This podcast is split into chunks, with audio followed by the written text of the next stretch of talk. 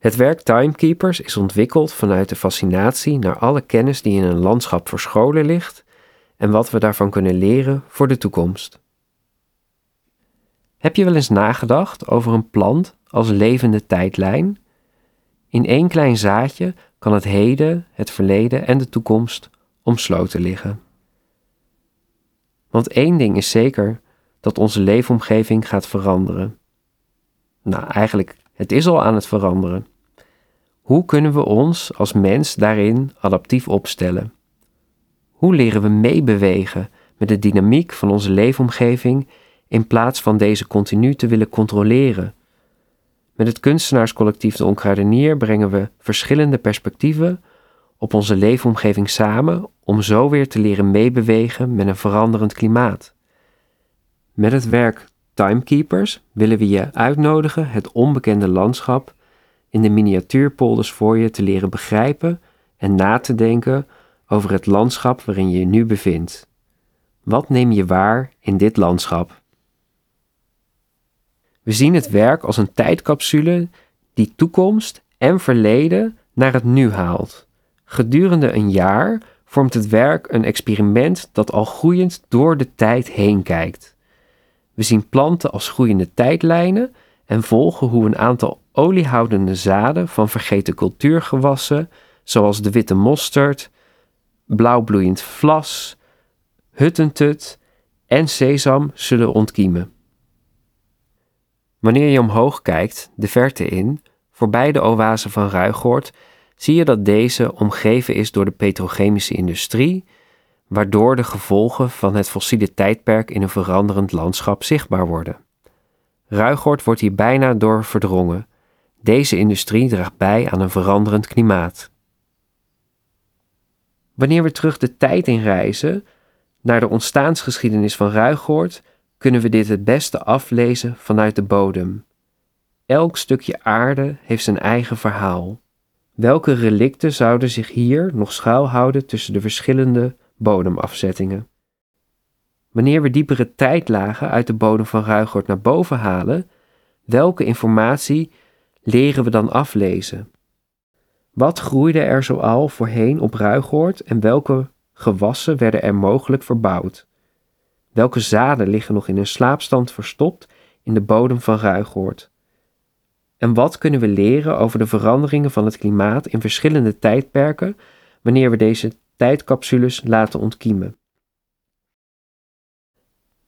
Wanneer je voor het werk Timekeeper staat, zie je eigenlijk twee miniatuurpolders voor je: een hoge en een lage. En in de laagste polderbak, daarin kun je eigenlijk allerlei resten van grondboringen ontdekken. Zaden uit vervlogen tijden, ware voedselfossielen, laten we ontkiemen in de ronde, transparante, verticale capsules. Hiervoor gebruiken we de lokale aarde van Ruigoord en bodemboringen die we met archeobotanist Mans Schepers en archeoloog Timon de Haas hebben gedaan, met als doel om de samenstelling van het huidige landschap te kunnen ontrafelen. Wat zie jij? Wat is er ontsproten en wat bloeit er op? Zijn er planten die je kunt herkennen? De installatie in de bovenste polderbak is ingezaaid met oliehoudende zaden van inheemse planten en oude cultuurgewassen die we hebben gekozen vanwege hun interessante eigenschappen en dat ze groeiende dragers van olie zijn. Als ware oliecapsules herinneren ze ons aan wat voor moois kan ontstaan wanneer je ze laat zitten in plaats van extraheert of uitperst. Wat kan er bloeien en groeien wanneer je ze laat leven in plaats van tot grondstof maakt? Wanneer we naar de tijdlijn van deze planten kijken, dan zijn ze al heel lang in onze leefomgeving en ons voedselsysteem te vinden. De witte mosterd komt oorspronkelijk uit het Middellandse zeegebied en is een oud cultuurgewas. Met gele bloemen zie je het veelal op akkers als een snel groeiende groenbemester. De zaden worden ook gebruikt om de tijd te verlengen, namelijk door het inmaken van groentes als conserveringsmethode. Witte mosterd verrijkt de grond waarin hij groeit en absorbeert schadelijke nitraten en vormt daarmee een dynamisch schoonmaakmiddel.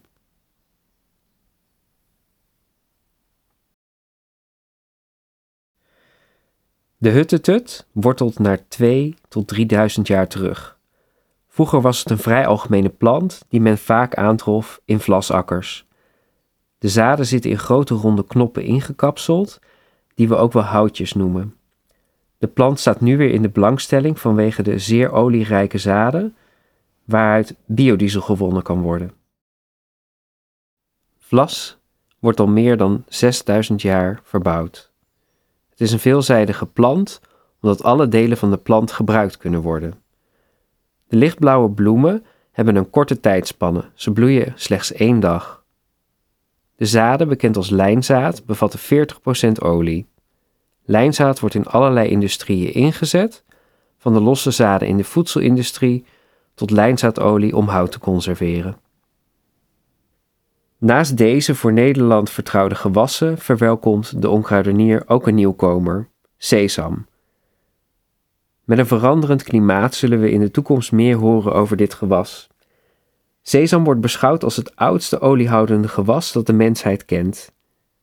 Het verdraagt droogte goed en groeit waar andere gewassen het laten afweten. Sesam heeft een van de hoogste oliegehaltes van alle zaden. Het was een gewas dat kon worden verbouwd door zelfvoorzienende boeren aan de rand van woestijnen waar geen enkel ander gewas wilde groeien. Het is droogtetolerant door een uitgebreid wortelstelsel en wordt ook wel een overlevingsgewas genoemd. Het schijnt dat sesam ook de mens toleranter maakt voor hitte. Een sesamdieet verhoogt de weerstand tegen UV-licht. In de twee miniatuurpolders gaan verschillende tijdlagen met elkaar in dialoog en we nodigen je uit om hierover mee te filosoferen. Hoe ontspruiten het verleden en de toekomst in het heden?